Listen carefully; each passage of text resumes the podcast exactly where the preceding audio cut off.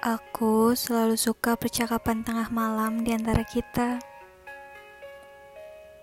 Sampai aku lupa bahwa dunia itu berputar dan waktu terus berjalan.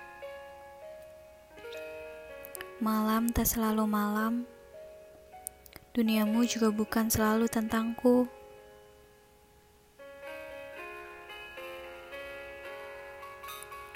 Aku jadi teringat percakapan kita pada waktu itu.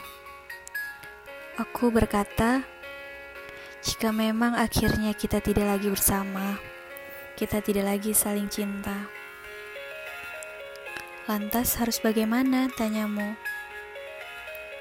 Tidak apa-apa, tidak harus bagaimana-bagaimana. Dari situ, kamu mengajarkan aku bahwa mencintai tak harus memiliki.